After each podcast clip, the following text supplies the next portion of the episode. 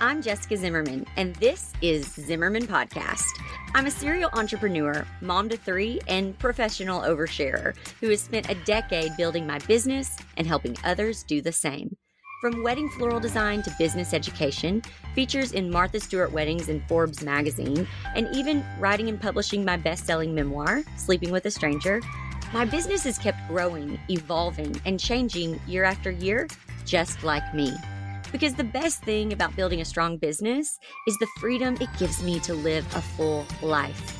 And that's what Zimmerman Podcast is all about sharing real, transparent, in the moment reflections about how to live a life, build a business, and lead a family through the good, the hard, and the messy.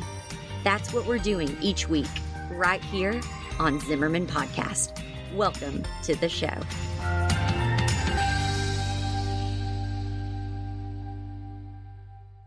Hi, friends. Welcome back to Zimmerman Podcast. If you've been following along, I have been sharing with you my newly written series, Uncovering Divine Femininity. And today I am sharing with you the fifth and final part of this series that I am so passionate about. So let's dive right in.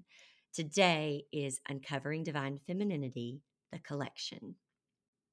Life beats you down and crushes the soul, and art reminds you that you have one.